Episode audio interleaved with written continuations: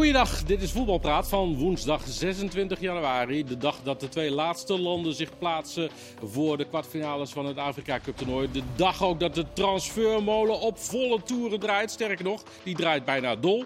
En ook de dag dat de clubs nog worstelen met de vraag hoe ze toch een derde van het stadion moeten gaan vullen. Of juist twee derde niet. Het is maar net hoe je het bekijkt. Op die dag gaan we praten en is er dus ook genoeg om over te praten. Dat doen we met Chris, met Marciano en met Mario, allemaal uit eigen huis. Maar voordat we het over de actualiteit eh, gaan hebben, Mario, het is natuurlijk toch ook de, de dag na het overlijden van uh, Ja. Wim Jansen. Je hebt hem ongetwijfeld vaak ben je hem tegengekomen bij Feyenoord. Je hebt niet onder hem gespeeld of nee, met hem gewerkt? Nee. Nee. Ik heb er wel veel meegemaakt in de hoedanigheid dat hij op Varkenoord was natuurlijk. Daar was hij meestal te vinden, zeker in de tijd toen zijn eh, zware, zeg ik dat goed, ja, Ja. eh, Stanley Bart daar werkzaam was als hoofdopleiding. Ja, bij Willem kon je, of kon je altijd wel even terecht voor een praatje over voetbal, want ja, hij leefde voor het voetbal. En ja, ik, schrok, ik schrok er gisteren wel van, met name ook in de laatste tijd natuurlijk eh, zo kort na Christian Guian. Ja, dan weer een Feyenoorder. En eh, de leeftijd met name is natuurlijk eh, vrij vroeg. Ja. In de, in de tijd dat je er speelde, eh, had je toen contact of zat hij toen in het buitenland? Nee, hij was, eh, hij was weer heel vaak eh, te vinden bij, eh, in de Kuip toen, eh, toen ik daar werkte. En, ehm, maar goed, ik, ik ken hem meer van, van de Varkenoord-tijd en met oud Feyenoord. Hè. Een paar jaar geleden heb ik hem voor het laatst eigenlijk gesproken. Toen was hij nog eh, helemaal goed. En ehm, ja, toen heb ik nog met hem over voetbal zitten praten en allerlei zaken. Maar ja, daarna ben- kwam ik niet zo vaak meer op Varkenoord. Dus heb ik hem eigenlijk niet meer zoveel, zo vaak Nee. gezien. Eh, praten over voetballen, dat was sowieso het liefste eh, wat hij deed. Marciano, jij loopt ook op veel velden. Eh, ook wel eens tegengekomen. eh, Zeker. M- ehm, ja, in de tijd dat ik nog eh, jeugdtrainer was, ehm, ja, dan had je altijd de stages. En al die jongens die vlogen alle kanten op natuurlijk eh, om stages te doen. Zo ook bij Feyenoord. En dan kwam ik op Varkenoord. En eh, ja, bij die stagedagen, meestal op een woensdagmiddag, ja, dan liep er eh, één persoon een beetje in zijn eentje rond. Een beetje al die velden afstruinend. En nou, daar kwam ik hem ook tegen. Ik heb nog een hele wedstrijd met hem gekeken. Team van... Even kijken, van eh, Gaston Taument. eh eh, Feyenoord tegen Anderlecht. En dan hebben we naar, het wedst- naar de wedstrijd staan kijken. En dan was hij aan het vertellen over talent. Hij was aan het analyseren. Hij was, hoe leid je nou spelers op? Wat moet een speler hebben? En dan luister je alleen maar. En dat was echt fantastisch. Ik heb, ik heb genoten. We hebben zelfs over cognitieve trainingen gehad. Daar was hij ook al mee bezig. Dus ja, een voetbaldier, puur zang. Ja. En, en je kon zoveel van hem leren door alleen maar te luisteren. Want eh, hij zag dingen die, eh, en dat is natuurlijk nu altijd dat iedereen de mooie, maar hij zag echt daadwerkelijk dingen die, die wij misschien eh, minder snel zagen of die wij misschien ehm, voor lief namen. En dan ging hij in de details en dat, dat vond ik mooi. Dus ik heb echt ja, best wel hele goede herinneringen aan hem. Ja. Over hoe hij over jeugdvoetbal sprak. Ja, als je alle verhalen deze dagen hoort, dan heeft iedereen eigenlijk wel... Los van dat hij op het veld ook nog wel eh, eh, vervelend kon zijn of eh, direct kon zijn. Ja. Maar vooral goede en mooie herinneringen natuurlijk. Absoluut. Hij- over voetbal praten, dat was het liefst wat hij deed. Dus nou, laten wij dat in zijn geest ook Zeker. gewoon doen in deze voetbalpraat. De transfermolen draait en draait en draait steeds harder, heb ik eh, het idee in deze laatste week. Wat, is, wat vinden jullie de meest opmerkelijk van, nou, laten we zeggen, de afgelopen 24 uur? Ik, eh, ik vind wel eh, met mijn NEC-achtergrond de transfer van Wilfried Bo- Boni. Ja, Ik was zondag. dat is ook de meest gevoelige. Ja, nee, die is heel gevoelig. Want ik was er, was er zondag bij de wedstrijd NEC Feyenoord. En toen kwam ik boven nog even in de box bij Marcel. En die had het al over, we gaan nu een, een geweldige spits Jij mag Marcel zeggen. Ja, ik mag Marcel. Tegen meneer Boekhoorn. Als je, wat, eh, als je wat gewonnen hebt daar, dan mag je Marcel zeggen. nee, maar dat is gekkigheid. Maar ik, eh, hij, hij wil dat altijd laten merken. Dan, ze hadden toch wel weer een, een topspits gehaald. Nou ja, ik heb geprobeerd te raden wie het was. Maar toen- Nee, deze naam kwam weer niet. eh, hier kwam ik niet op, nee, omdat het eigenlijk not done is om een speler met die achtergrond van. Vitesse, dat ligt daar namelijk heel erg gevoelig, te halen. Hè. En eh, pas geleden, toen de derby was, heeft hij zich nog uitgelaten. Ik ben een echte Vitessenaar. ja. Ja, en dan een paar weken later loop je eigenlijk op de, op de velden bij, eh, bij NEC. Maar nogmaals, als hij het Mayenne kan halen wat hij ooit heeft gehaald bij Vitesse in 77 wedstrijden, 58 goals, dan zullen ze hem dat ook weer heel snel vergeven, neem ik aan. Hoor. ja. Moet hij een uh, harnas aantrekken, Chris? Eh, helm opzetten, de eerste de Nou, hij, wedstrijd? hij heeft al een harnas, kan ik me herinneren. Maar, eh, hij gewoon niet van, spieren. wel, ja. Eh, Ja. ik, ik zie nog die verdedigers tegen hem oplopen. En maar het gekke is, je hebt wel spelers die zijn stevig en dan loop je er tegenop en dan geven ze even mee en dan komt het weer terug. Maar bij hem, er gaf ook niks mee. Het is gewoon boem, Een heel raar gezicht. Toch had je bij hem ook wel het. Ik had van hem zijn carrière meer verwacht toen ik hem in het Nederlandse zag. Ik dacht, nou, dit wordt echt een absolute topspits. 100% helemaal. Toen ging Hij voor- heeft, hij heeft één jaar toen nog een goed jaar gehad bij Swansea. Ja, ja. Daarna is hij, is Naar hij al minder. City. Toen is hij naar City gegaan. En ja, sindsdien. toen de woestijn in. En, eh, nee, ja, dat, Ja. dat klinkt eh, heel onerbiedig, maar dat, dat is wel. Meestal is dat geen goed dat teken. is je daar- carrière nagenoeg. Maar ik vind wel dat je daar eigenlijk een regel ook voor zou moeten hebben. Je mag naar de woestijn, maar dan niet meer terug. Dan is het daarna ook afgelopen. Het irriteert mij op de een of andere manier. Je gaat naar die Dus dan, woestijn en dan kom je weer terug. dat je na ja, ik vind dat dat niet klopt. 33ste zeg maar, richting de Ja, woestijn mag. precies. Maar ja, het zegt meer over de clubs die dat soort spelers terughalen. Ja. Maar jij Is, het- is het niet ook vaak, een be- laten we eerlijk zijn, hoe vaak is het een schreeuwend succes? Bijna nooit. Het is ook vaak van, oh, die Nou, financieel naam, wel. En als dat zou kunnen, en als, en als hij dan inderdaad weer zo goed, en het is bijna nooit zo. Bedoel je in dit geval of voetballen in de woestijn? Nou, in het algemeen. Zowel, eh, nou ja, hij is niet in de woestijn geweest. eh Boni is Boni in de- Ja, ja, ja. hij ja, is ook in de woestijn. heeft Maar gezeten. Op het laatst Ja. weer niet, toch? Maar, maar goed, in ieder geval... Je hebt Hij die heeft een strijd- hele tijd niet gespeeld. Nee. Nou ja, je- Dus hij heeft de hele tijd niet gespeeld. En al speel je daar, dan speel je op, een- met een veel lage intensiteit. Ja, hij dan ben je in de 30 Maar en dat twee jaar lang. Sinds november 2020 geen club meer. Maar ik zag een foto van hem. Hij zag er echt goed getraind uit. En ik hoorde dat hij op het trainingsveld ook gewoon... we kunnen veel met Photoshop, hè? Sorry, ja, nee, maar goed. Ze waren ook heel tevreden op het Maar ja, trainingsveld. als hij straks de 15 inlegt in de tweede helft van het seizoen, dan zegt dat best wel heel veel over onze competitie. Nee, dat is duidelijk. Nee. Mario, je hebt ook, je- Ja, maar Mario heeft ook nog steeds een goden lichaam. Maar, Dat is waar. eh, Nou. Marciano, daar likken wij onze vingers bij af. Ja, maar maar hij zou toch niet meer mee kunnen doen. Weet je wel? Dat- Nee, maar dat ligt aan mijn knieën. Dat heeft toch verder niks met mijn lichaam. Al- Anders zou dat geen enkel probleem zijn natuurlijk. Ja.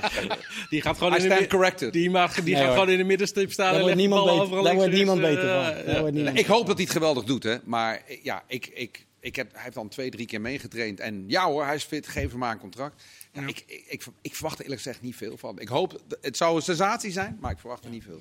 Sidney van Hooijdonk. Ja. Of wilde je nog verder over? Ja, nee, nee, nee. eh, Gaan we gelijk vind ik ook een, eh, een, een, een opmerkelijke, transfer. Hij is Ja. natuurlijk van, eh, van NAC naar Bologna gegaan. Ook een speler eh, die niet veel heeft gespeeld. Nee, vier invalbeurten, maar dat komt ook. Nummer één spits is daar Arnautovic. En dat is gewoon nog steeds een, een fantastische spits. Dus daar zat hij achter. En ehm, ja, ik denk dat het met name voor hem een geweldige leerschool is. Hè. Dus je mag gaan naar een club uit de Serie A. Ja. Maar dan vond ik het, eh, die nog geen eredivisie-ervaring hebben, toch wel een, een opmerkelijke keuze van Ferry om hem naar Heerenveen te halen. Ja. ja, zag jij die, die, die combinatie, die, die link? Nee, niet direct. En helemaal als je dan Veerman laat gaan en je haalt een speler terug waarvan je eigenlijk nog niet helemaal weet hoe die ervoor staat. Hij Ah, de, Ja, de volgorde was natuurlijk andersom. Van Hooijdonk kwam en Veerman. Veerman ging, maar ja, Ja. dat was, lag misschien wel in de lijn. Ik denk dat Veerman ehm, nou ja, uitstraalde wat heel, heel, heel Heerenveen uitstraalde. Lusteloosheid.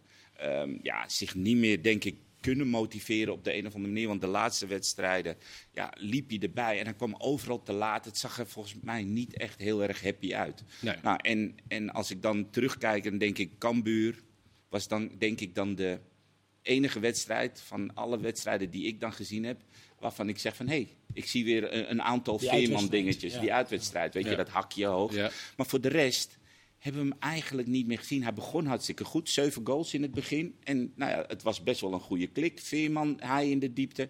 En dat, dat, dat, dat werkte niet meer. Hij Zelfs op de bank Hij terechtgekomen. schijnt ook Ja. wel veel te verdienen hè, bij Heerenveen. Hè. Dus ik- ze zijn ook wel blij dat ze toch wel van zijn salaris af zijn.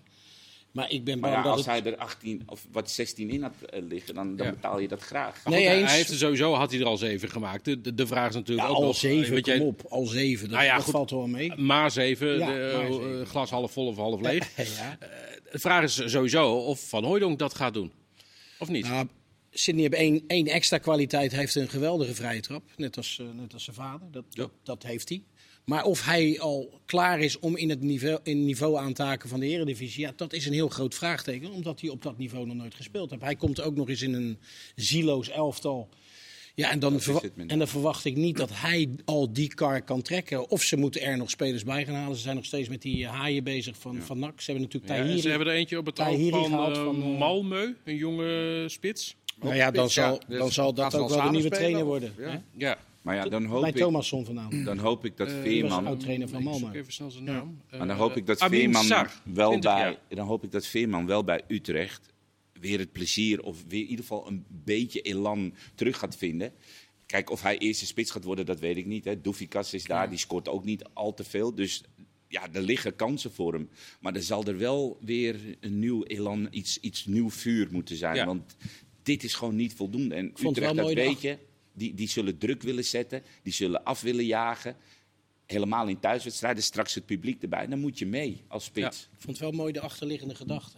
Hè, van zijn- Nou ja, een vriend van hem uit Volendam. Ja, jeugdvriend. Ja, een Eh, jeugdvriend die, Schilder, eh, was uiteraard, supporter. Volendam. Ja. Supporter van, eh, van eh, Utrecht. Jan Schilder. Ja. Had hij ooit aan beloofd, als ik in de gelegenheid kom om ooit voor Utrecht te Ja, spelen, dan... volgens eh, mij ook vooral aan zijn vader, want die Jan Schilder heeft eh, zelfmoord gepleegd, omdat hij geen prof kon worden uiteindelijk. dat is wel heel En volgens mij heeft hij tegen zijn vader toen de belofte gedaan: ik ga eh, alsnog een poging, want toen voetbalde Henk nog bij de amateurs, ik ga een poging doen om het profvoetbal in te komen. En dan eigenlijk het liefst bij Utrecht. Want het is ook niet voor het eerst, Chris, dat hij in verband wordt gebracht Nee. met Utrecht. Ik heb hem in 2016 twee keer geïnterviewd. Eén keer in de winterstop en één keer eh, in de zomer bij eh, het eh, trainingskamp.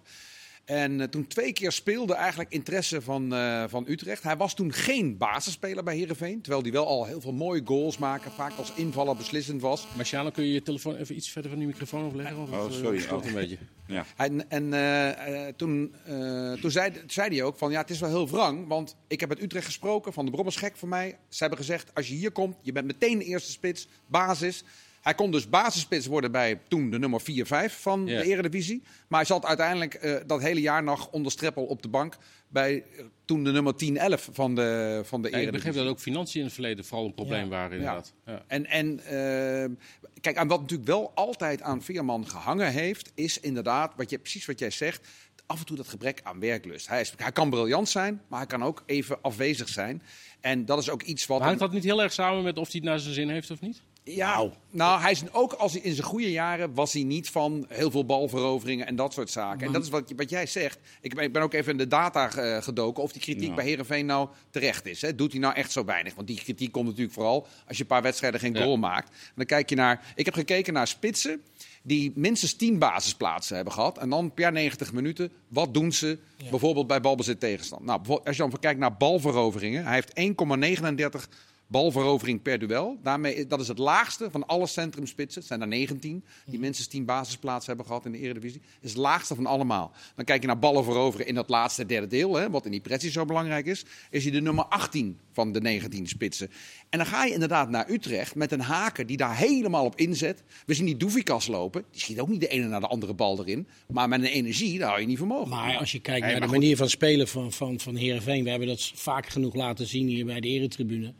Dan gaat hij druk zetten en de rest van het elftal deed niet mee. Het leek wel Dus kan hij ook die bal niet veroveren? dat, ze er, dat ze maar wat deden. Ja. En, en wat belangrijk is voor hem, denk liggen. ik, dat je in de, in de 16 van de tegenstander komt. Want daar heeft hij natuurlijk met name zijn waarde. Ja, als je hem neer moet gaan zetten om druk te zetten, om te jagen. Ja, denk ik dat je aan hem niet een, een- de, Nee, ja, de en- juiste en speler bovendien, hebt. het is, ja, eh, je- het is een targetman natuurlijk inderdaad meer ook. Eh, alle, alle spelers die daar voorin nu rondlopen, die zijn, eh, nou, ik geloof dat er niet eentje groter is dan 1,85. Nee. Dan heb je met hem natuurlijk wel iets anders. Maar Utrecht heeft altijd wel dat soort ook- type spitsen. Ja, maar ik ben benieuwd of ze hem voor de basis willen hebben dan eigenlijk. Weet je wel. Nee, maar ja, je kan met hem ook nog iets forceren. Dat je Ja, op een gegeven moment... Hè, heel veel clubs hebben die niet op de bank zitten... als je iets, eh, Is- iets moet forceren in de laatste kwartier of zo. Is hij een type van Loen? Nou ja, daar Ja, zou ik ook Willaert, uh, Van Loen, eh, noem ze eh, maar op. ja. Dat soort types. Ja. Ja. Hij is niet Hij is, zo wel, hij is wel verfijnder, vind ik. Hè? Ik bedoel, als hij een goal maakt, dan eh, zit hij altijd bij de top 5, toch? Dat is, Ja. En bij Utrecht normaal gesproken krijg je meer kansen. Dat elftal is wel wat, wat meer uitgebalanceerd als, eh als Heerenveen. nou, ik, ik, ik, ik, ja, we zijn allemaal Henk Vierman liefhebber, denk ik. En en Henk Vierman fan, want het is gewoon heerlijk om naar te kijken. Maar ja, het is wel iemand die niet bekend staat om zijn, om zijn werklust. En die gaat dan in een team wat nou, meer dan welk ander team in de Eredivisie dan ook inzet op Ja, maar, pressie je, en direct spel. Een nieuwe Ja. omgeving doet ook wel, het doet ook wel veel. Dat, dus nou ja, waarschijnlijk zegt, zal hij moet een nieuwe spark. Ja, nou, en dit is het misschien. En zijn weet je, maatjes zijn weg. maatjes weg. Ja. Dus ja, dan liep hij met een beetje met de ziel onder zijn arm Ja. daar in dat Ja. Heerenveen. En Ja. nu komt hij weer. eh, Volgens mij zei. Ferry Daan vandaag, eh, voor beide partijen eh, is het een goede oplossing Ja, of zo. daarom, dat zegt nou al ja, genoeg. dat zegt... En Ik denk trouwens wel dat hij in de, in de omschakeling ook heel goed is. Hè? Ik heb met Streppel ooit over Hij is, gehad. hij is ook nog wel Hij is is heel snel. snel. Hij is gemeen snel. Hij lijkt langzaam. gemeen snel. Vals. Ja, Vals snel, dat is de term. Hè? Ja. Eh, Streppel zei bij die 30 meter testjes, pure eh, explosiviteit, was hij de snelste speler van, van Heerenveen in die tijd. Terwijl je dat niet zo... eh, Welke vond. Maar dan kom ik weer erop terug dat hij, dat hij dan wel het naar zijn zin moet hebben. Ja. Ja. Snap je? Dus Maar alles niet? staat... Maar- Nee, Ja, maar, met het, maar je hebt sommigen verhaal, die zijn gewoon Ja, maar ik denk met het verhaal wat er nu achter zit eh, en zijn motivatie. Absoluut. En ik denk dat dat verhaal bij supporters eh, ook eh, echt wel goed werkt. Nou, het kan nou ja, eh, maak je de eerste wedstrijd een goal, dan, dan kan het bijna niet meer stuk. zou Maar, maar zit je acht wedstrijden op de bank naar die doefiekast te kijken... en Ja. ga je dan op een gegeven moment op de training een beetje landerig de andere kant op kijken... dan kan het ook heel snel verkeerd kantelen, Ja. natuurlijk, Ja. zoiets. Hè? Ja. Maar goed, ik neem ook aan. Utrecht is niet gek, hè? Die, deze overwegingen, deze data hebben zij ook. Die gaan Tuurlijk. ook met hem praten. Tuurlijk. Henk, dit is de bedoeling. Hoe kijk je daarna? Ja. Heerenveen, je, je haalde het heel even aan, eh, is nog op zoek naar een nieuwe trainer inderdaad. FC Groningen heeft inmiddels een nieuwe trainer gevonden. Roffel, roffel, roffel. Verrassing, verrassing, verrassing. Nou. Frank Wormoed. Dat was Ja. niet echt verrassend. Maar Ja. dat wisten we op 3 januari geloof ik. Hè? Toen? Chef Blauw? Ja, ja. Toen werd hij nog boos. Ja, hij wilde er niet over praten omdat hij het vrij vers vond. Maar toen kon hij eh, tussen de regels door al eh, beluisteren dat, eh, dat hij eigenlijk al wel gesproken had. Met, Ja. Ik moet altijd wel lachen. Flederis vandaag een hele omschrijving. Nee, en een procedure gedaan Ja. en even een profiel opgesteld. En, eh, ja, en daar voldeed hij precies aan. ja. Ja. Ja, aan dat hele profiel vind ik wel dat er een, eh, een eh, klein smetje eh, nu, nu ligt. Qua ehm, hoe hij de hele zaak rond eh Vloed hè, heeft verwoord voor die wedstrijd. Ja, dat zat- Vloed erbij zat.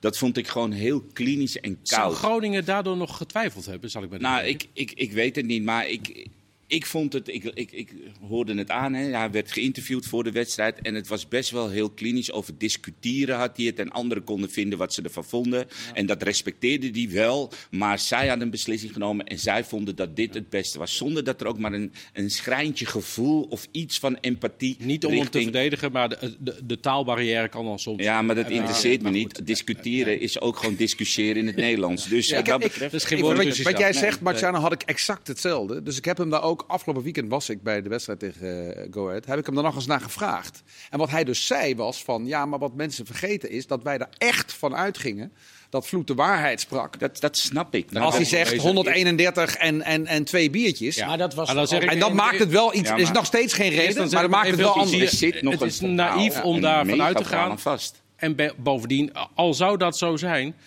dan nog eh, had je anders kunnen handelen. Inderdaad. Exact. En ik vond ook na de wedstrijd, en dan heb je dus Vloed ingebracht. En dan krijg je na de wedstrijd eigenlijk weer een beetje min of meer dezelfde vraag. Ja. En hij hield maar vast aan het, aan het, aan het praatje wat hij in zijn hoofd had geprent. En dat vond ik, dat vond ik niet, Ja. niet maar als we die discussie even terzijde eh, schuiven, en dat, dat kleeft dan. Maar jij vraagt of het... Nee, eh, zeker, dus zeker. Maar vind je het wel een smetje, vind ik. Ja, maar past die verder bij de club?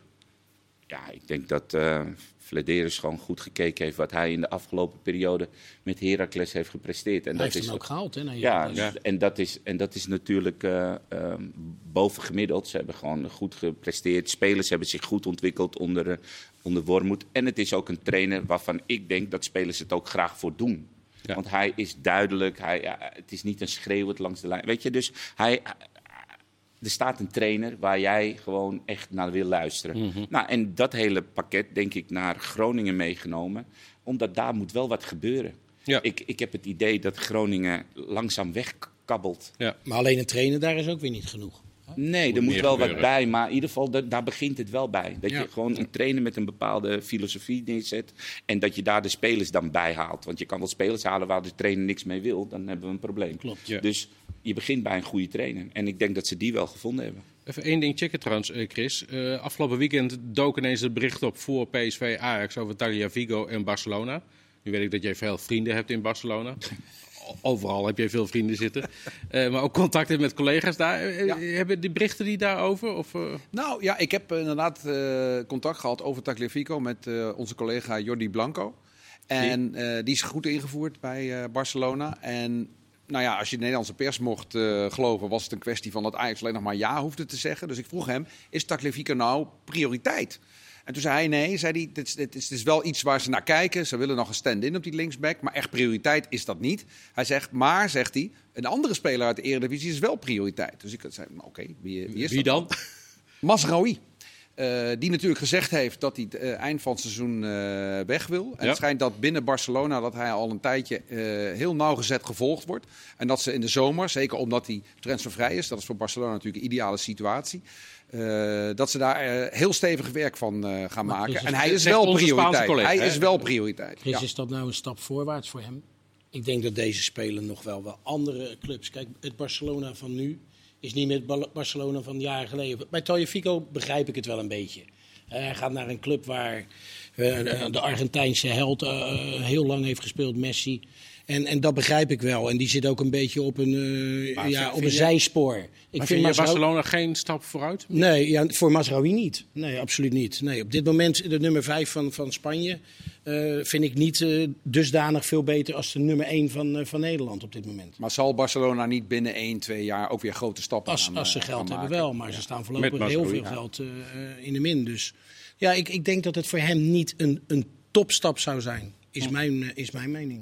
Ja, als je, als je nu naar Paris Saint-Germain of City gaat, is natuurlijk, zijn nu betere teams dan, dan Barcelona. Ja. Maar je kijkt niet alleen naar wat, Bayern wat we München. volgend seizoen Nee, maar ik heb het ook bijvoorbeeld bij München. Ja, daar zou hij ook heel goed passen. Ah, daar zou die Hij, uitstekend hij moet passen. gewoon gaan kijken waar hij waar, waar die kan gaan spelen.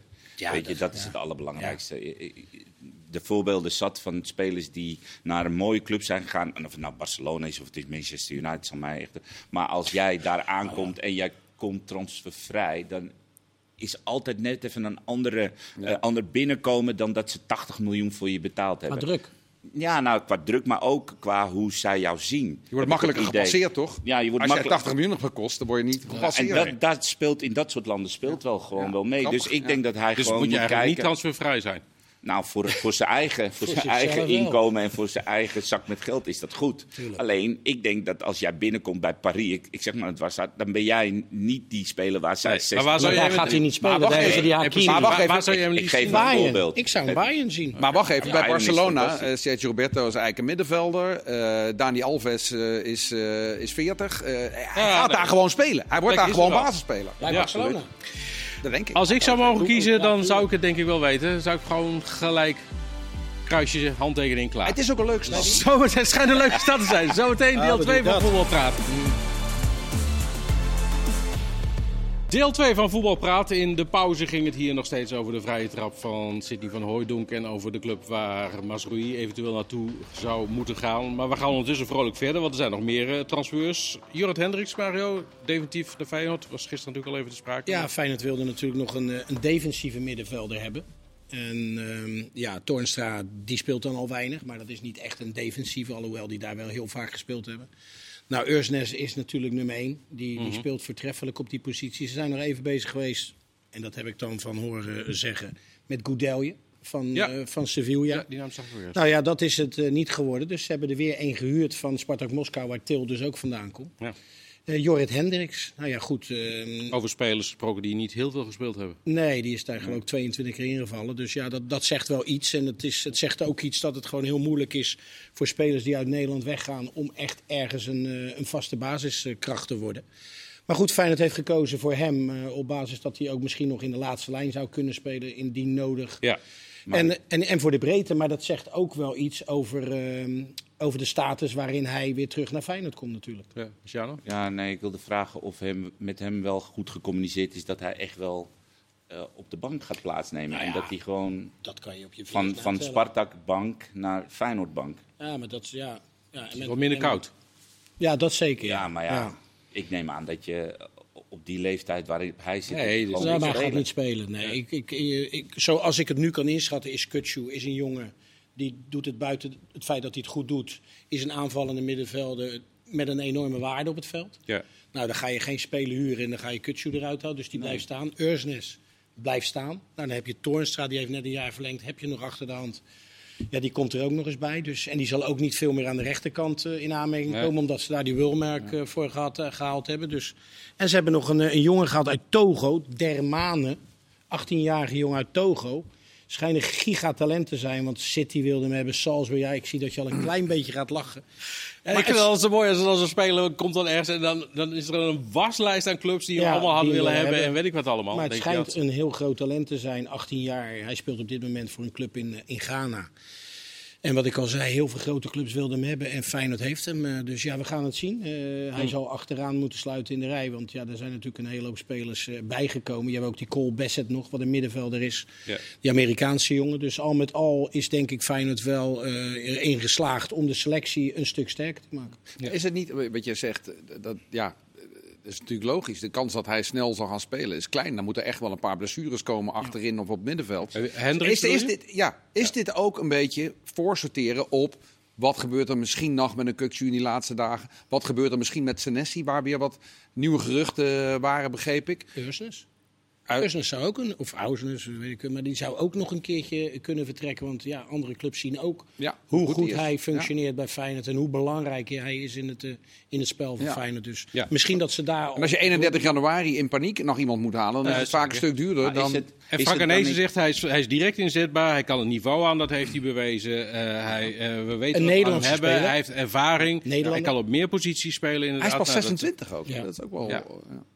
Had je dan niet bijvoorbeeld het geld ook in je, in je zak kunnen houden voor misschien eh, volgend seizoen een betere aankoop te doen en dan nu gewoon met hartjes te werken? ja, dat maar je ik- dan zegt, ja, want je hebt nog een extra middenveld. Want je noemt nou ook nog een eh, Bassett of zo, die ook op het Ja. middenveld. Dan heb je dus, en je hebt nog eens Torenstra, ook nog als backup. Dus waarom zou je dan nu nog eens een backup voor een backup? Ja, ik begrijp wat je Dat zegt, maar Dat misschien Daarom zijn, denk ik dat er iemand weggaat. ja, of ze zijn op dit moment nog niet overtuigd van het feit dat een Hartjes op die positie kan spelen. En Feyenoord zit natuurlijk ook nog Europees nog steeds Ja, erin. die heeft die ervaring niet. Is niet misschien direct inzetbaar inderdaad. Ik Dus kan, ja, ik denk wel dat je een hele eh, volwaardige selectie krijgt, waar je toch een hele hoop kan opvangen. Nou ja, goed, eh, dadelijk eh, hoop je toch weer bij. Overigens maakt dat wel een mooi bruggetje eh naar het onderzoek wat... Ik voelde hem aankomen. Ja, ja. hij lacht wel heel erg voor de hand. Hè? Ja. Maar het onderzoek wat VI eh, eh, gepubliceerd heeft, gedaan heeft eigenlijk, eh, Chris. daaruit blijkt dat het aantal Nederlandse spelers dat minuten krijgt in de Eredivisie in de minderheid is. Ja. Is er een groot verschil met het verleden of valt dat mee? Of? Ja, dat denk ik wel. Ehm, ik denk dat het grote verschil is met zit er met name in dat de topclubs nu eh, ook zoveel geld hebben dat ze eigenlijk een, een basiselftal hebben en daaromheen dan ook nog een reserve-elftal samenstellen, grotendeels ook bestaande uit aankopen. Dus waar je eh, vroeger als jeugdspeler, wanneer er een blessure was, eens een keer een kans kreeg. En dan vijf, zes. Nee, jullie hebben dat ook meegemaakt. Ik heb met Frank de Boer al eens over gehad. Die zei ook van. Tuurlijk had je niet het Ajax 1-niveau toen je 19, 20 was en een keer voor het eerst mee moet doen. Maar als je dan zes wedstrijden mee mag doen en zes wedstrijden mee gaat trainen met, op het hoogste niveau, ja, dan ga je heel snel ontwikkelen en dan ga je aanpikken bij zo'n niveau. Ja. En zo ontstaan topspelers. Ja, om, Nederlands om het even nog concreet te maken, want eh, zij hebben het gewoon uitgerekend inderdaad. Eh, bijvoorbeeld seizoen 2014-2015 ging 59% van de speeltijd op, werd opgebruikt zeg maar, door Nederlandse spelers en 41% uit het buitenland. Dit seizoen is er nu eh 49% Nederlandse spelers en 51% buitenlandse spelers. Ja. Dus- Maar de vraag is, is dat erg? Ja, maar er is een, is een documentaire geweest in Engeland een aantal jaar terug. No Hunger in Paradise. En dat gaat over dat je jonge spelers de honger moet laten houden om ehm, eh, het eerste elftal te halen. Nou, en in Engeland is het probleem zo heftig en erg dat al die teams, mede door het geld, dubbele bezetting hebben. Dubbele bezetting met internationals. Dus Ja, nog veel die- erger dan die Nederlandse topclubs. nog veel erger dan Nederland. Dus al die, al die eh, jeugdelftallen, dus die, wereldkampioen en Europees, die hebben geen perspectief. Dus het is eigenlijk in de rij wachten totdat je een kans krijgt. Nou, Maar dat is dus de situatie die nu hier nou, ook in Nederland Wenger bestaat. zegt daarover heel terecht. Hij zegt, ja, ik heb 26 spelers en dat zijn allemaal internationals. Frans, Duits, maakt niet uit. Hij zei toen van, ja, als ik dan een jeugdspeler een kans ga geven... dan moet die A wel zo goed zijn dat ik twee internationals op de bank zet. Ja. Plus hij moet het gegarandeerd, die wedstrijd moet hij het ook goed doen. Want de volgende kans die hij dan krijgt, is, is pas over een hele Ja, lange tijd weer. maar- en dan heb je het nog over een topclub als Arsenal. Nou, heel veel international spelers. Precies. Nou, en als je Maar Willem II is natuurlijk wel een ander verhaal. Nee, ja, oké. maar als je dat vertaalt naar Nederland, dan zie je dus dat het geld op dit moment in Nederland best wel een belangrijke factor. Ajax loopt weg bij de rest vanwege het geld. Ajax is in staat om, bij wijze van spreken, een vervanger achter Tadic te halen. Waar jij dus terecht zegt, vroeger was dat een jeugdspeler Ja. hè, van Axel Dongen of noem maar op. Ja. Nu is dat Darami voor 16 miljoen. Ja, waarbij, Mario noemt er net nog eentje uit. eh, waar kwam die ook weer vandaan? Togo. Togo, Togo. Dermane. nou, du- dus Ja. nu komt een Darami. Dus Jay Gorter wordt weggehaald bij Go Ahead Eagles. En normaliter zou die in een normale zou die tweede keeper worden achter Onana of. En nu is hij vierde, derde, vierde, wat is, zeg het maar. Weet je wel, het is allemaal best lastiger geworden voor een jeugdspeler. Je moet, ehm, je moet absolute bijna top zijn. Maar, je, maar er zit ook nog een gradatie in. S- Speel je voor de prijzen of hebben we het over Willem II of de Ja. kleinere Ja. clubjes? Kijk, Ja. ik begrijp heel goed Nou ja, het Ajax. grappige is bijvoorbeeld Maar dat Willem Willem II, dus het hoogst scoort met eh, eh, de buitenlandse minuten, zeg maar. Die halen 73 procent. Ja. Ja, snap je? Dus ook Willem II maakt zich daaraan eh, schuldig. En Ja. eh, je moet oppassen dat je dus ehm, je Nederlands talent ja, wel hongerig houdt en niet verwaarloost. Want dan stra- straalt dat door. Maar, maar, de Nederlands, maar de Nederlandse talenten die het best zijn, die spelen bij Jong PSV, Jong Ajax, Of Jong al, AZ. of gaan al naar het buitenland. Of die zijn al weg en die Ja. komen daar ergens op een bank terecht, inderdaad. Kijk, als we het hebben bijvoorbeeld over Bakayoko, is die jongen die bij eh, Jong PSV. PSV, speelt. Niet of nauwelijks nog in het eerste van PSV gespeeld. Ja, dat is ook zo'n Is type... ook al geen Nederlander, hè? We Sorry? halen de jeugd halen we ook al uit het Ja, buitenland. absoluut. Ja, Ja, tuurlijk. Nee, maar ik bedoel, dat zijn wel jongens die dan steeds minder kansen krijgen. Ja. Als, maar aan de andere kant, het was vroeger niet anders, Marciano. Nee. Je moest heel goed zijn Nou ja, maar goed, of de Feyenoord 1 te halen, of Ajax 1 te Maar halen, wat Chris zegt was 1 wel te zo. Je kreeg wel zes, de kans. wedstrijden de kans om te laten Nou. zien. En nu is het zo dat als jij link, ik zeg maar wat linksback dan bij Ajax of bij noem maar wat heb je Blind, Taljafico. Er is best wel een, een ja, wat eh, wedstrijden die voor je staan. Hè, ik bedoel, drie, 400 wedstrijden. Ja. En zit gewoon op de bank. Nee, als jij, als, jij, als jij in de A1 linksback bent en je wil een kans, dan moet je dus beter zijn dan de international van Argentinië. Die Ja, de- tweede linksback is van Ajax. De belangen zijn zo groot. Dat is echt Het maar is, Terwijl is Mark- zo belangrijk om Champions te halen. Het Ja, grappige is dat Mark Overmars juist zegt dat hij het zou toejuichen als er een regel zou komen eh, die bepaalt dat Ja. clubs een bepaald aantal eh, Nederlandse spelers in de Ja. selectie zou Ja, moeten. maar Hij vergeet erbij te zeggen dat in heel uit de Europa EU doorgetrokken moeten, worden. Wat Anders zeg je? Hij vergeet erbij te zeggen dat we dan eerst uit de EU moeten. Oh, dat is doen gewoon we toch- arbeidsrecht. Dat doen we toch even. Ja, Dus, ja. Het, het is al met al is het gewoon lastiger geworden voor de jeugd om, om ehm, dat perspectief te blijven behouden. Ehm, helemaal bij de topclubs. Hè. Je ziet dat bijna elke positie is gewoon dubbel bezet. Met gewoon een ervaren speler, een hele goede speler of een international uit het buitenland. Nou, daar hebben we het nu over de top, maar jij hebt het over Willem II, je ziet het bij Utrecht. Dus er lopen gewoon veel buitenlandse spelers. Overigens, ik, ik maak er een grapje over, Chris, maar het kan dus inderdaad helemaal niet. Hè. Europese regels mogen dat. eh, Nee, nee. Wat, wat daar, Sjoerd Ars zei dat van Fortuna zitten. Hij zei, ja, we zien nu ook gewoon veel meer over buitenlandse spelers. Allerlei systemen, data, noem maar op. Dus daar waar we in het verleden daar helemaal geen zicht op hadden, zie je ze nu ook beter. En ja, ik daardoor zie pak je ze dus ik blijkbaar ook zie er nog makkelijker. steeds heel veel voorbij komen dat ik zeg, nou hij noemde er net eentje Darami. Ja. Ja, ik zie daar niet een absolute niet meerwaarde gekeken, in voor dat zeggen. geld. Sorry, dat, nee, dat, een Vriet bij Willem II, ja, daar kan ook een De Waal spelen van, van Jong Ajax of eh, een, een Ja. Nederlandse spits. Ja, maar. Mario, bij, bij clubs als Fortuna komen ieder jaar komen 12 spelers binnen. Zes, zeven, die spelen regelmatig. Eén of twee vallen twee keer in. Maar er zijn ook twee, drie die je eigenlijk nooit ziet. Die komen helemaal niet naar de elftal. Er is geen afstemming tussen aankoop en, en, en technische staf. Ja, en dat is natuurlijk wel heel raar. Jensen, Bergström, Zaklam, noem ze allemaal maar op. Die voetballen allemaal in Nederland. Ja. En dan denk ik, is daar echt niet bij een andere club een Nederlandse speler die hetzelfde kan leveren? Of misschien nog wel beter? Nou ja, of je haalt Thijs Dallinga bij Excelsior. Ja, als je, als je daar geld voor hebt wel. Of je houdt hem als je hem hebt.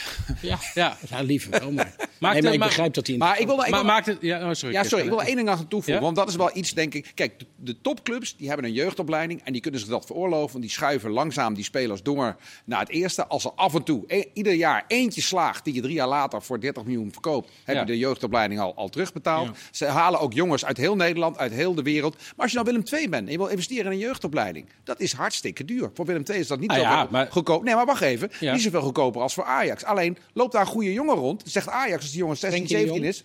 Frenkie maar de hier. Jong? Ja. Ja. Frenkie de Jong? Ik Ja, maar het gaat- daar vandaan? het- Ik zeg maar wat. Het meest opmerkelijke uit het hele Nee, verhaal... maar, maar dat geldt ook voor Sparta. Dat geldt ook. Nee, maar ik, daaruit uit dat verhaal bleek ook dat de Nederlandse clubs eh, gemiddeld eh 1,5 miljoen in de jeugdopleiding eh, steken. En dat dat het minst is van alle Europese landen. Ja, en ook procentueel steeds minder is geworden van Ja. de totale omzet. Dat vond ik eigenlijk nog wel het meest schrijnende. Ja, maar Hoewel dat het- ligt dus hier aan. Hoewel het voor sommige clubs wel weer een Wel enorm, rendabel, een, kan een zijn. enorm deel is, maar ook rendabel ja, dat, ja, dat natuurlijk Maar is sommige clubs die een zoveel geld erin moeten stoppen van een begroting die misschien Nou ja, maar dit is gemiddeld. 3, 4 hè, dus- miljoen is. Maar het probleem is natuurlijk ook dat eh, de FIFA die heeft om de jeugd te beschermen op een gegeven moment gezegd... lange contracten voor, voor spelers onder de 18, dat mag niet. Hè, die mag je maar, wat is het, twee jaar vastleggen. Maar, en dat lijkt, dat lijkt een heel, heel goed verhaal. Alleen wat ontstaat er daardoor is dat die spelers dus niet langer vastgelegd kunnen worden. Waardoor ze heel makkelijk op hun 19e, 20e gratis weglopen. Ja. Dus wat ben je aan het doen als club? Je bent dan voor heel veel geld een speler aan het opleiden. Die, Ja. als hij, Volgt voordat hij eigenlijk in jouw eerste team echt wat gepresteerd heeft, alweer gratis de deur uitloopt. Maar dan moet je wel eh, miljoenen aan een jeugdopleiding, als je het echt goed wil doen, eh, spenderen. Ja, Maar dat is niet zo makkelijk. bijvoorbeeld nou met die Lielson, die hebben ze toch nu verlengd. Dus die, zijn contract liep bijna af, geloof ik. Ja. En die hebben ze verlengd. Dus Nee, daar maar zijn Ajax is natuurlijk een ander verhaal. Die kunnen wel eh, zulke bedragen betalen dat die jongens niet zomaar weglopen. Af en toe trouwens ook natuurlijk. Maar, voor, maar voor de kleinere clubs in, in Nederland is het natuurlijk een jeugdopleiding. Ja, Jan Smit die zei, we stoppen met de jeugd. Want het bre- brengt helemaal niks op. Heeft helemaal geen zin. Nee. Maar je ziet ook heel veel probleem, eh. BVO's dat zij ehm, ehm, de even elftallen eruit halen of de oneven elftallen. Dus omdat de, de kosten gewoon Kosten te, dus te- te hoog waren. Ja. Dus dan heb je eigenlijk dat je in bijvoorbeeld, laat ik zo zeggen, een onder 16, heb je ook spelertjes die in de onder 15 eh, horen te spelen. En die dan maar met de onder 16 mee moeten. En dan ondersneeuwen. Ja. En dan een Ja. jaar lang niet voetballen, omdat die onder 16 spelers spelen. Ja. Dus dat is eigenlijk Je kunt niet, er ook beter van worden, goed. misschien. Maar... Er is Ja, wel maar een je oplo- moet wedstrijden er is spelen wel om een- beter te Er is worden. wel een oplossing natuurlijk. Dat je eh, als kleinere club samenwerkingsverbanden aangaat met, met, met, met een grotere club. Zodat Ja. als een speler, als Frenkie de Jong inderdaad zo goed is en naar Ajax gaat, dat er dan ook een deal is dat als Frenkie de Jong verkocht wordt voor 80 miljoen, dat er die zal 10% er- naar Willem II PSV nu er weer in Mexico zijn. Eh, zijn. Ik geloof ja, er wel dat- samenwerken? Ja. Dat Willem II ook mee profiteert als, als Frenkie. Ze hebben, ze hebben natuurlijk vooral mee geprofiteerd Ja. vanwege eh, de FIFA-regels met Ja, eh, de, de, de vergoeding. Maar ik vind Maar- het voorstel van Overmars niet heel gek. Dat er gewoon een bepaalde regel komt dat je zoveel Nederlandse... maar dan moet het in heel Europa. Hè? Ja, maar dat Want kan- anders dan kom je Europees weer tekort. Nou, dan moet Ja, het in heel Europa. Maar je moet wel je, je nationale Nee, competitie nee, die mag, Kan dan niet. kan niet. Eh. EU-regels, vrij verkeer van eh, werknemers. Dus ja, Ja. Als er een jongen van 19 is. Wat mag wel niet. mag is gewoon geld neerleggen voor Dallinga. Die naam liet ik net even vallen. Ja. Want maakt de technisch adviseur van Excelsior zich zorgen over zijn club en over eventueel vertrek van Dallinga? Nou, eh, we hebben de laatste vier wedstrijden twee punten gehaald. We stonden er heel rooskleurig voor. En we staan nu eh, vierde. Nou is dat allemaal nog niet zo, want in deze afdeling van de keukenkampioen divisie verliest iedereen van Van elkaar. iedereen, En kan iedereen wedstrijden winnen. Dus wat dat betreft is het geen probleem. Nee. En we willen ons nog versterken, maar Oh. ja, Dallinga is natuurlijk wel Met? heel... Sorry, wij willen aanvallend nog wel wat erbij hebben, ja. Ja, want wij zijn natuurlijk best wel afhankelijk van Dallinga. En Dallinga is een uitstekende speler en zeker een jongen met een hele mooie toekomst. Ja. Normaal gesproken. Maar drie, vier wedstrijden niet meer gescoord, toch? Nee. Maar hebben jullie zijn wondersloffen ver- verstopt? En die krijgt die 2 februari weer terug. Ja, had er Eh, Zo'n truc lijkt het had wel. hè? gisteren ook wel één of twee kunnen maken. Zo. Maar goed, ehm, nee, we zijn eh, met hem dolgelukkig natuurlijk. En we hebben nog meer goede spelers. Maar goed, ik denk dat het moment er kan zijn dat wij die stap naar de Eredivisie kunnen maken. Maar nogmaals, eh, zo denken er meer. En ik, ik moet zeggen dat er misschien Volendam steekt er een beetje bovenuit. Alhoewel die ook niet de beste wedstrijden spelen, maar blijven ze wel winnen. Winnen, ja. Ja, dus Maar wie ga je halen dan? ja dat, daar gaat de technisch directeur over bij ons. Ja. Dat is eh, een diplomatiek antwoord. Ja, Ja. jammer. ja. Zit er weer publiek eh, komend weekend bij jullie? Eh, nou ja, wij, wij moeten eerst onze tijd veranderen. Ja. Want wij spelen om 9 uur. Dat betekent dat de mensen Iedereen in de rust naar huis moet. ja, je mag maar tot 10 niet buiten. Dus ja, dat, ik denk dat dat eh, even veranderd moet worden. Ja, nou is het bij Excelsior niet zo'n probleem om, een, heb ik om een derde van je stadion te vullen. Dus eh, nee, maar ik kan me voorstellen dat er voor grotere clubs dat het een, een, een probleem is. Ik las bij Twente. Ja, die hebben Die aan- zijn heel rigoureus. Die zeggen spon- of iedereen ja, of maar die hebben aan niemand. sponsors en seizoenkaarthouders al twee derde van het stadion gevuld. Ja, hoe moet je daar een onderscheid in gaan maken wie wel en wie niet mag? Dus ja, Ja. maar gelukkig dat ga ik hebben ze daar niet eerder over. natuurlijk ook al moeten doen. Sorry? Dat hebben ze eerder Ja, natuurlijk ook ja, al moeten doen. Moeilijk. Maar, maar ik, heb de clubs, ik heb het idee dat de clubs er een beetje verdeeld in zitten. Dat sommigen denken, ja, nou, we moeten eigenlijk wel een beetje blij zijn dat er weer een derde in het stadion mag. Wat natuurlijk op zich ook fijn is. Maar ja, je zijn- kijkt mij aan. eh, En jij bent de man van de... Nou ja, ik vind, Van de feiten. Nee, maar ik, ik- kijk, de, de, de- bekijk, je kunt er van twee kanten naar kijken, dat is meestal. Maar eh, en ik begrijp dat de clubs zeggen van... Het stond al aan de, eh, aan de lippen, dat water. En we hadden die inkomsten nu. En nu, en nu kan er publiek in. En dan zien we in andere landen volle stadions. Waarom in godsnaam niet ook hier enzovoort. Maar we zien ook een regering die heeft uitgelegd... Ja, ga niet alles tegelijk. Ga het toch een beetje gefaseerd. Want we weten niet helemaal. Er zijn nog onzekerheden. En als je dan kijkt van... Ja, de regering kan op een gegeven moment bepalen waar gaan we eh, het, het, eh, de, de regels eh, laten versoepelen en waar doen we dat niet. En dan kijk je naar het voetbal en dan moeten we ook eerlijk zijn. Het voetbal heeft zich eerder van de beste kant laten zien met onderzoeken, met field labs en noem maar op. Maar meer recentelijk, ja, we hebben eh, bij, toen, er, toen er een lockdown was, bij zes, zeven clubs capuchonnetjes met geweld naar binnen zien komen met vuurwerk. We hebben rellen gezien bij, bij Pecco. Speelt dat nu een rol bij deze beslissing, nou, denk je? Ja, dat denk ik wel, ja. Ja, maar ze gaat toch niet kijken wie is het braafste jongetje van de klas, daar doen we het wel. En wie, wie zit wie, eh, Nou, ik ben ervan ja, overtuigd. maar de, de ik ben ervan overtuigd dat dat meespeelt. Ik denk dat. Ik denk Ja, maar dat het is toch gewoon één... le- De, de, de, eh, de theaters en zo zitten toch allemaal Ja, in maar eerder waren de theaters dicht en in de voetbalstadions zaten toen inmiddels al 40% eh, bezetting. En nu zijn de theaters, wat binnen is in plaats van buiten, mogen net zoveel gevuld worden als de voetbalstadions. Ik denk dat er Ja, wel dus degelijk gekeken gewoon- wordt. dus er is een pandemie. één lijn en Nee, wordt er niet er is een pandemie. We moeten keuzes maken. Eh, en we kijken. Moeten we straks politie gaan inzetten omdat we niet zeker weten of de discipline onder de voetbalsupporters groot genoeg is? Nou, weet je wat? We gaan maar op een voorzichtige kant zitten. Ja, het- zo gaat het. En misschien past, dan, Ja. misschien past dan wel beter, verkoop je zaak zo goed mogelijk. In plaats van hoog van de toren, eh, overheid schande, we doen het toch. Ik, ik denk niet dat dat Is de er, is er geen goede lobby gevoerd? Nou ja, dat vraag Nou, ik vind af. als je het heft in eigen handen neemt, lijkt me nooit verstandig. Dus wat dat betreft. eh, maar ja, ik hoop dat, dat de clubs er nog kunnen uitkomen met de regering om, om toch wel wat meer mensen toe te laten. Want ik begrijp het probleem bij grotere clubs die, die echt eh, meerdere mensen moeten, moeten het stadion in krijgen. Voor, want anders, hoe ga je dat anders doen? Nee, is- jij hebt een dat- seizoenkaart, ik heb een seizoenkaart, ik mag niet en jij mag wel. Ja, dat, nou ja, goed, dat, is, dat wordt gewoon loten bij wijze van Nou ja, spreken. maar het de probleem is vooral dat als... 20% besmet- bezetting, toen kwamen ze daar ook uit. Hè? Nee, ja, maar je hebt sowieso wel eh, een hoop kosten en dat soort dingen. En ik begrijp ook dat bij heel veel clubs, als ze maar een derde mogen toelaten, eh, dat ze eigenlijk gewoon meer kosten maken dan dat het wat op gaat leveren. Ja, dan, Nee, dan- maar als dat nu dat drie, vier weken is, als het nou drie, vier weken is, en je organiseert het goed, je Ja. zorgt dat er geen rellen komen, en eh, je, doet, eh, eh, je monitort en je laat zien dat er weinig besmettingen zijn, wellicht kun je over drie, vier Ja, maar- weken dan naar twee derde. Wel. maar En misschien is dat een veel de betere methode dat dan nu zeggen, we doen het toch Ja, en schande. ja, ja. Zeg, Chris, dan had de regering dat aan moeten geven. Van, hé luister, als deze drie, vier weken eh, het goed gaat, Nou ja, dan- dan doen we dit. Ja, maar, maar dat nu is- is, dat is eigenlijk... Ja, het, is de een beetje weten niet hoe lang vingerwerk. het gaat duren. Maar de regering Nee, weet ook niet hoeveel En- besmettingen en er over een maand En het is nog maar, heel, heel bot gezegd, zeven thuiswedstrijden. Of zes thuiswedstrijden voor sommige clubs. Ja, maar ja, dat kan nog wel wat in een laadje brengen. Nee, maar snap je een beetje ik bedoel? Dus er is wel haast bij geboden om, om Ja. in ieder geval nog iets van het eh, seizoen te maken qua Ja. publiek.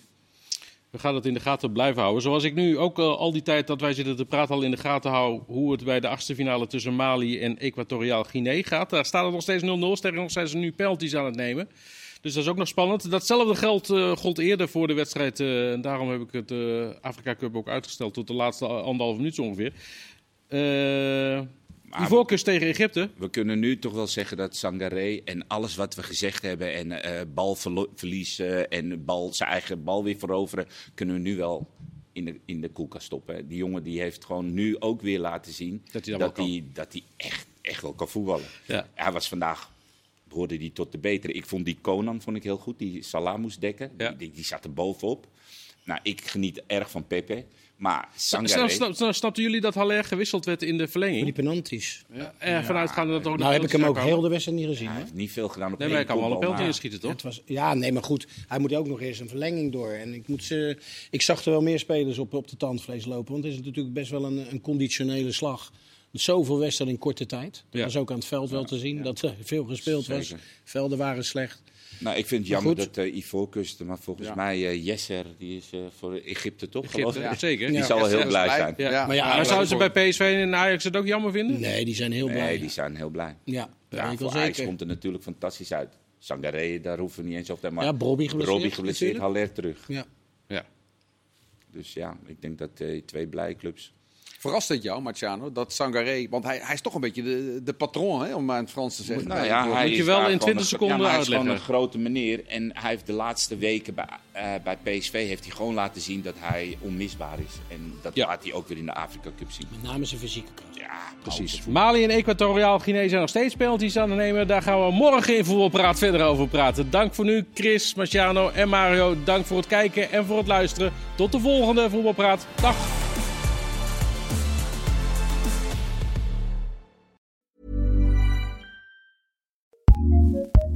ACAST powers some of the world's best podcasts. Here's a show we recommend. My name is John Kasich. I'm the former governor of Ohio, former presidential candidate. And I'm Jordan Klepper. I'm a comedian. We have a new podcast together called Kasich and Klepper from ACAST and Treefort Media. Why is Kasich first? Well, first of all, it's alphabetical K I, L. you- you- I, I understand. And I ran a whole state once, too, by the way. You ran a mid-sized state, to be clear. You know, a lot of people are going to think, oh, well, this is going to be about politics. No, it's not. It's going to be about life. we're going to talk about politics, I'm sure, but we're also going to talk about the things that affect us. And I might ask for fatherly advice of like, how do you raise a child who won't become a Republican? Welcome to Kasich and Klepper. Listen and subscribe now wherever you get your podcasts. Acast Recommends.